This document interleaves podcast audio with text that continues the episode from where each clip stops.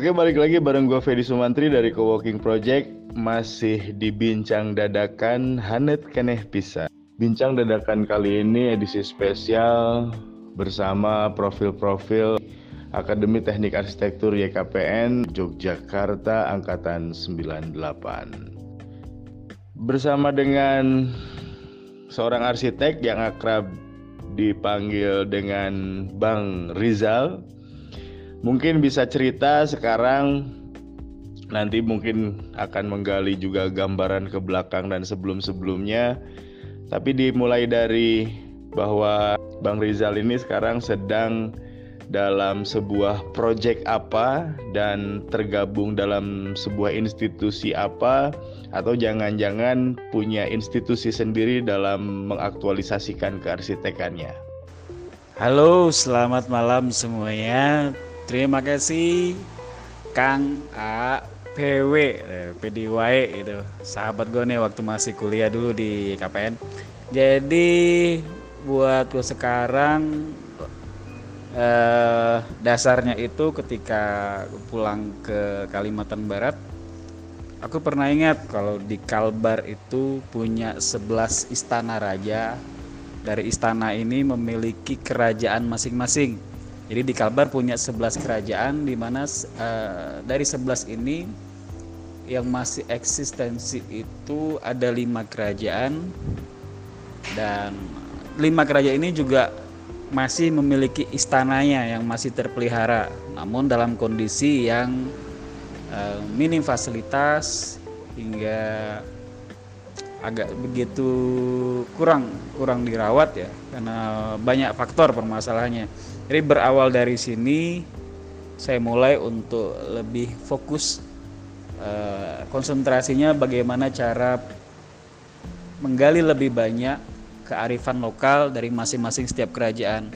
Jadi yang baru saya tangani itu yang pertama kerajaan Tayan itu sudah pada dari penemuan benteng kuno, benteng tanah diperkirakan sekitar tahun 1600-an sampai kepada revitalisasi pemugaran Keraton Tayan. Kebetulan Keraton Tayan ini eh, bangunannya terbuat dari kayu ulin ya. Memiliki tinggi dari tanah itu 3 meter dan memiliki panjang 40 meter kali 30 meter. Jadi bisa dibilang saat ini uh, istana raja paling besar adalah dari Kerajaan Tayan.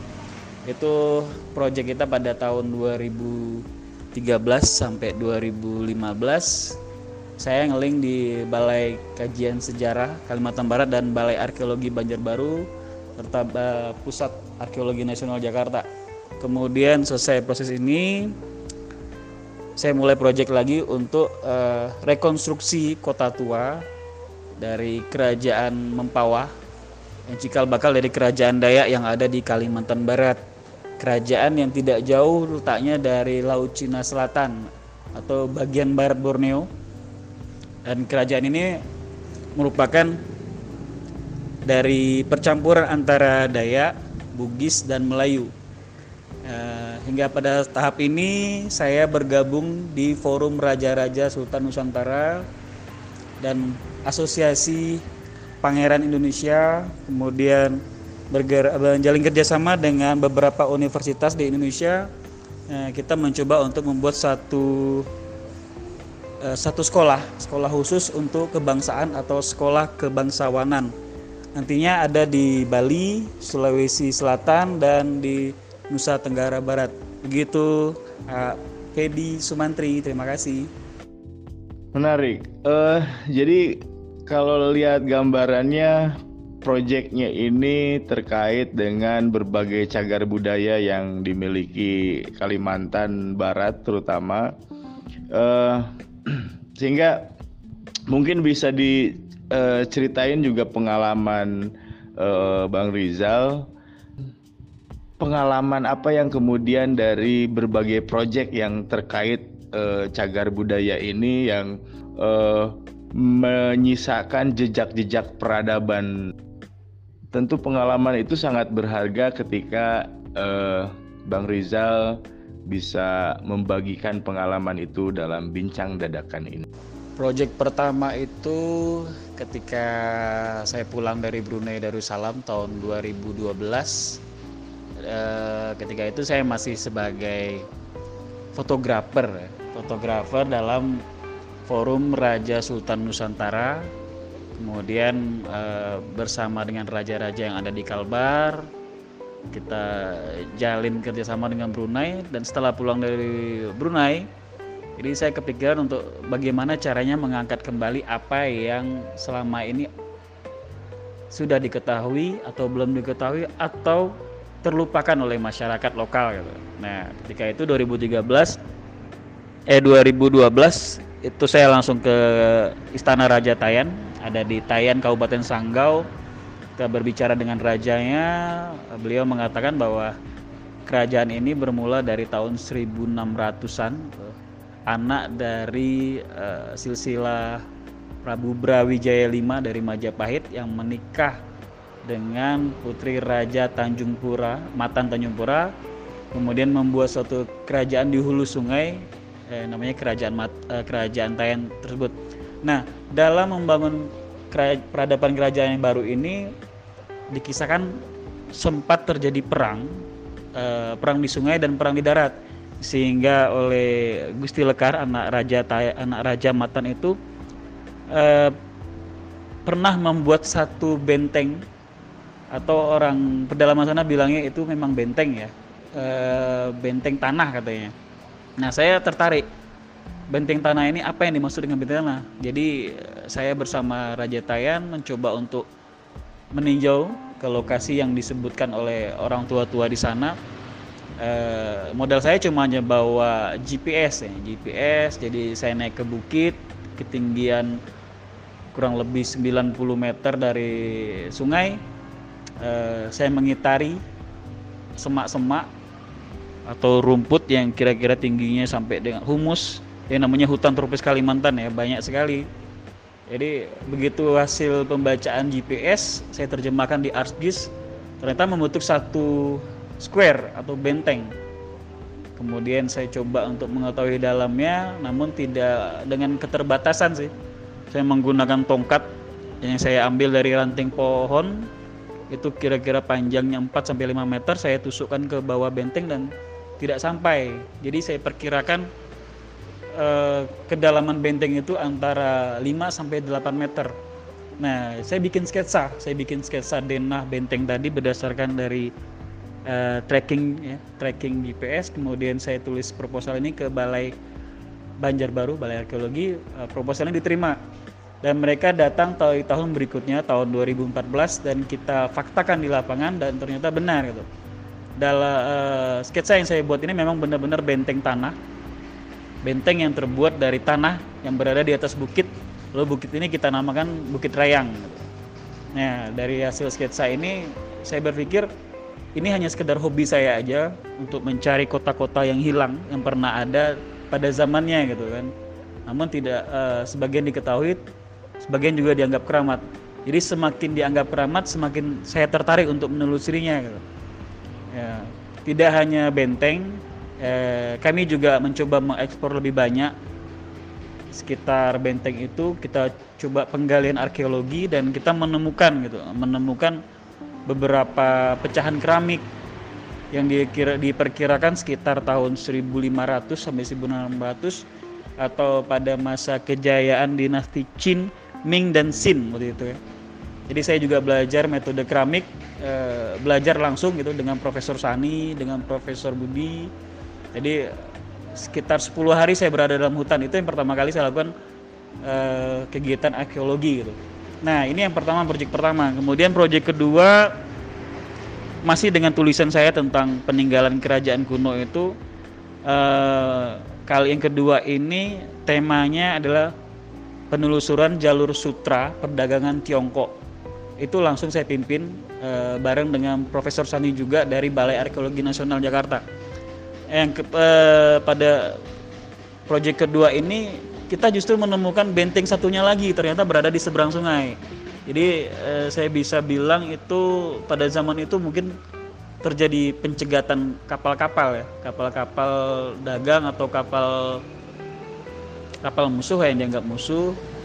Uh, jadi kita bikin semua bahwa kerajaan Tayan ini bermula dari kerajaan perang Jadi sehingga memiliki benteng, kemudian hasil dari pencarian arkeologi kita itu ketemu dengan bola-bola timah itu mungkin dari bola uh, peluru atau peluru peluru dari meriam gitu.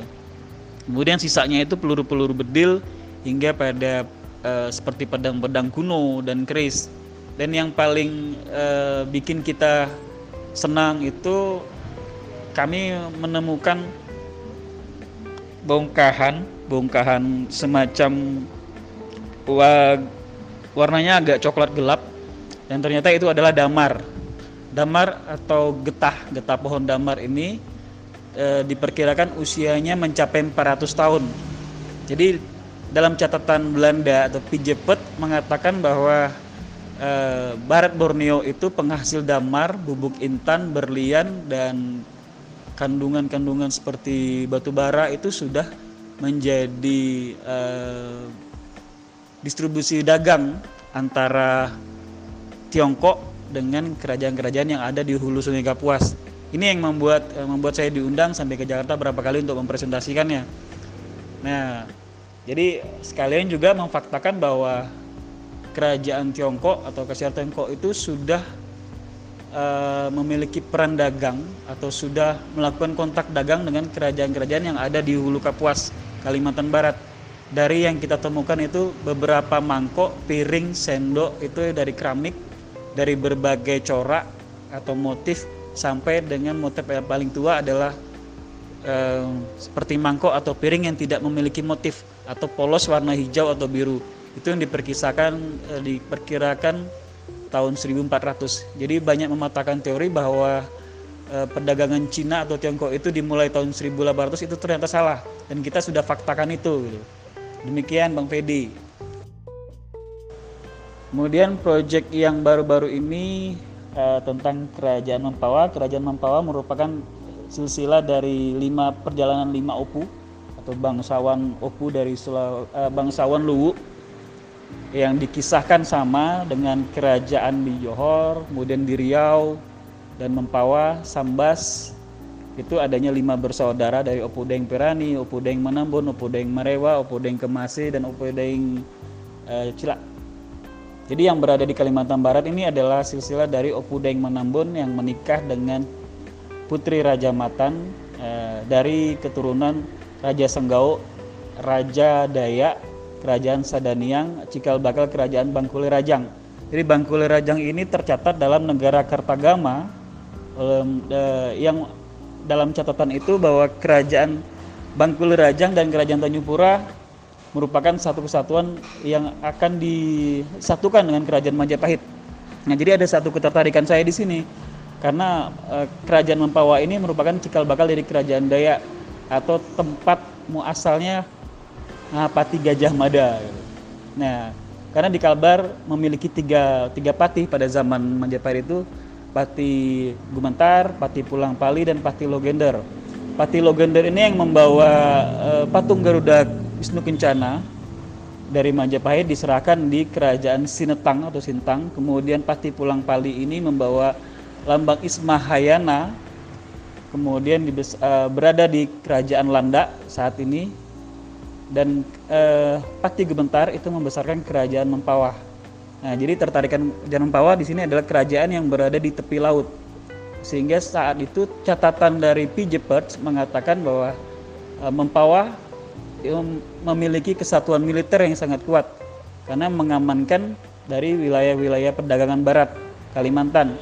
Sehingga perdagangan antara kerajaan Mempawah ini dikenal di Prancis, Portugis, Inggris sehingga menarik uh, pihak VOC saat itu ya sebelum jadi Belanda untuk menguasai pelabuhan yang ada di barat Borneo. Sehingga saya berpikir uh, penelitian saya yang, yang sekarang ini masih saya lakukan adalah sisa-sisa perang dari meriam-meriam yang sudah saya kumpulkan saya catat kemudian uh, dari beberapa senjata-senjata dan pusaka. Kemudian ada beberapa teknologi atau metode perang, metode perang Bugis Melayu Dayak yang masih dikembangkan di kerajaan Mempawah hingga pada saat ini. Demikian Bang Fedi. Luar biasa menarik Bang Rizal. Uh, semoga segala proyeknya ini kemudian menjadi aset uh, informasi, aset pengetahuan, dan tentu aset uh, kebanggaan bagi kita semua. Nah, masuk ke profil Bang Rizal sendiri, mari kita flashback ke belakang bahwa Bang Rizal ini menjadi bagian dari alumni sebuah institusi perguruan tinggi arsitek di Yogyakarta. Lalu kemudian dari situ ke mana? Mari kita simak. Saya masuk kampus uh, arsitek itu di awal dari Akademi Teknik Arsitektur Yayasan Keluarga Pahlawan Negara atau YKPN di Yogyakarta. Eh, satu angkatan dengan Bang Pedi lah ya kita masuk ya. Tapi sebenarnya eh, sebelum ATA saya itu eh, terdaftar di Universitas Negeri Brawijaya di Malang, Unibrau karena saya tamatan SMA-nya tahun 97. Uh, ketika itu masih dapat ranking ya, gaya-gaya dapat ranking SMA, daftar di Fakultas Kedokteran Umum Unibrau, alhamdulillah lolos gitu. Cuman nggak saya ambil. Karena saya lebih, lebih saat itu masih galau, masih mikirkan uh, nyenengin orang tua untuk jadi mahasiswa kedokteran karena ada dua orang adik dari ayah saya itu memang dokter gitu nah jadi saya cuma ikut tapi saya tinggalin gitu kemudian saya nganggur saya pindah ke Solo. Saya coba ngamen di Solo. Tinggal di kos-kosan. Solo Jogja Solo Jogja. Ketemu sama teman saya di teman saya teman SD saya di Pontianak. Eh, namanya Agung ya. Jadi si Agung ini ngasih tahu kalau dia kuliahnya di Akademi Teknik Arsitektur. Dia coba saya main ke kampus ATA gitu. Jadi sebelum mengenal kawan-kawan angkatan 98 saya kenal dulu sama kawan-kawan angkatan 96 angkatan 95 angkatan 97 waktu itu masih nongkrong di ATA jadi ya karena kedekatan emosional dengan kawan-kawan itu akhirnya saya ikutan daftar dan keterima gitu. Ya dalam perjalanan kuliahnya semester ini masuk semester besok saya cuti cari uang dulu jalan-jalan dulu cari pengalaman motret sana sini jadi gaya sana sini kemudian selesai saya lanjut ke ekstensi ekstensi Universitas Gajah Mada Arsitek sambil juga kebut, kebut sana kebut sini masuk semester ini semester besok cuti lagi sampai selesai sempat pulang saya ke daerah dapat kerjaan di Kabupaten Sintang di Hulu Kapuas buat ngawasi 28 puskesmas, pustu, polindes, sampai fasilitas rumah sakit lah yang berada di satu Kabupaten Sintang. Kemudian karena saya merasa masih kurang ilmunya, saya balik lagi ke Jogja, saya ambil lagi kampus S2-nya di UGM untuk di urban uh, urban design ya atau MDKB, Magister Desain Kawasan Binaan. Nah, jadi di kampus ini saya banyak belajar bagaimana sih hubungan antara karakteristik bangunan dan kawasan. Jadi setelah lulus, yang sebelumnya saya masih masih ikut dengan Bu Windu, Profesor Dr. Windu. Jadi begitu lulus, saya meyakinkan diri bahwa potensi saya ada di bangunan dan di kawasan. Begitu selesai, saya coba pulang, ya saya terapkan ilmu itu. Ternyata ada hobi yang yang bikin saya lebih kuat sampai saat ini yaitu apa yang saya dapatkan dari kedua kedua bidang studi ini baik ke arsiteknya ataupun ke kawasannya itu bisa digunakan untuk e, menjelajah mencari kota-kota yang hilang sampai dengan menemukan metode-metode perang yang pernah ada pada zaman kerajaan. Lagi-lagi luar biasa membuat e, bangga saya memiliki rekan, teman, sahabat Bang Rizal sehingga terima kasih telah berkesempatan uh, menjadi narasumber di bincang dadakan ini bareng gua Fedi Sumantri di Coworking Project. Lalu closing statement dari uh, Bang Rizal untuk menginspirasi, untuk memotivasi untuk publik dan sesama rekan sejawat kita semua. Monggo waktu dan tempat saya persilahkan.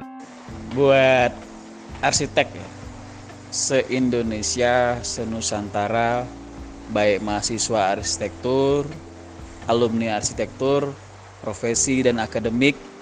Pesan saya setelah uh, beberapa kali kerjaan yang begini juga ketemu orang-orang tua, tokoh adat, lintas adat, lintas budaya, tokoh agama.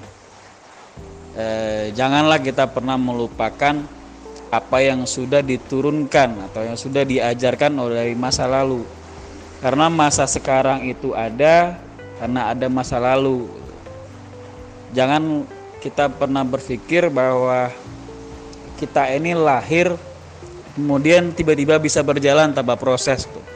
Nah, jadi apa yang sudah diturunkan oleh leluhur kita berupa adat, tradisi, adab, budaya, estetika dan sebagainya itu tentunya melalui proses-proses yang tidak gampang untuk membentuk satu karakter baik manusia, manusia kepada manusia, manusia kepada alam, manusia kepada Tuhannya. Jadi jangan pernah kita untuk melupakan sekalipun gitu. Tapi tetaplah kita berpegang pada adat dan tradisi. Karena dengan mendukung adat dan tradisi ini kita menjadi bangsa Indonesia yang seutuhnya. Bangsa yang ditakuti oleh orang-orang luar. Tradisi kita, adat kita yang tidak akan bisa dilumpuhkan oleh bangsa luar yang ingin menguasai harkat derajat dan tingkat kehidupan manusia Indonesia yang sesungguhnya. Seperti itu Bang Fedi, terima kasih sudah mengundang saya di sini dan tetaplah kita menjaga negara kesatuan Republik Indonesia. Terima kasih. Terima kasih, terima kasih, terima kasih. Bilai Topik. Assalamualaikum warahmatullahi wabarakatuh. Salam sehat selalu.